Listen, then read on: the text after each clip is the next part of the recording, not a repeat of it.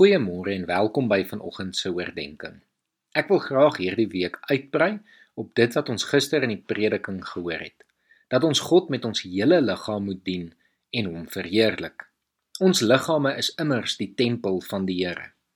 Die eerste plek om te begin om die Here met jou liggaam te dien, is deur jou hart en jou denke.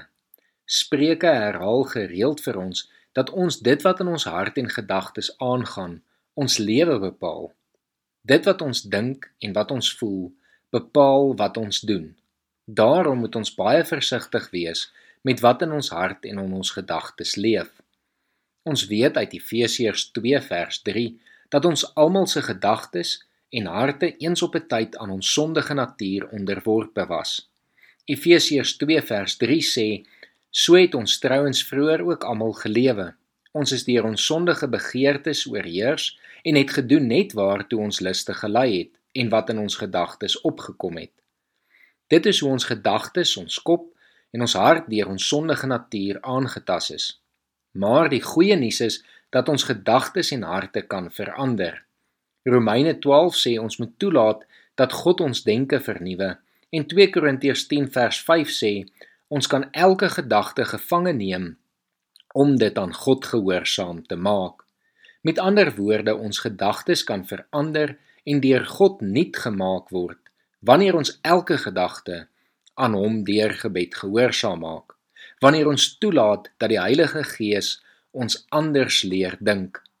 Ek glo dat die Heilige Gees dit deur twee maniere vir ons doen.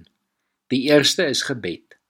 Elke gedagte wat by ons opkom wat ons weet nie van die Here is nie, moet deur gebed aan die Heilige Gees gegee word sodat hy dit van ons kan wegneem. Die tweede manier is deur die woord te lees. Hoe meer ons die woord van God lees, hoe meer kan die Heilige Gees ons in ons gedagtes en denke daaraan herinner. En hoe meer sal ons gedagtes en denke en later ons hart God se wil en wese verheerlik. Psalm 1 sê: Gelukkig is die wat sy vreugde in die woord van die Here vind, dit dag en nag oordink. Kom ons maak 'n punt daarvan en fokus vandag spesifiek op ons gedagtes, oor dit wat ons dink en wat ons voel. Raak bewus oor wat jy dink en voel en waar jou gedagtes vandag oral ronddwaal. En indien jy agterkom dit is nie waar dit moet wees nie, wil ek jou uitnooi om onmiddellik daaroor te bid. Maak ook vandag genoeg tyd om die woord van die Here te lees en mag dit deur die dag dan by jou bly. Dawid skryf in Psalm 9 vers 2: Met my hele hart wil ek U prys, Here. Wil ek van U magtige reddingsdade vertel. Oor U wil ek my verbly en vrolik wees.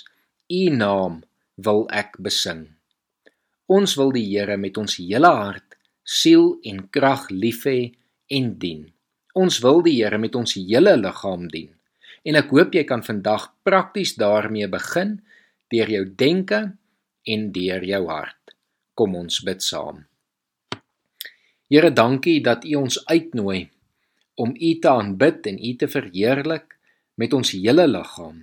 Here, dankie dat ons vandag kan fokus op ons hart en op ons gedagtes. Here, ons vra dat U deur die Heilige Gees ons vandag sal lei, dat U ons vandag sal herinner aan U woord, Here dat U ons gedagtes op U gefokus sal hou en dat ons deurgangs bewus sal wees dat U by ons is.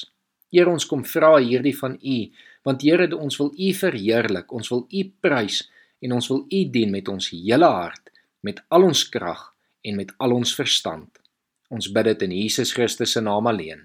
Amen.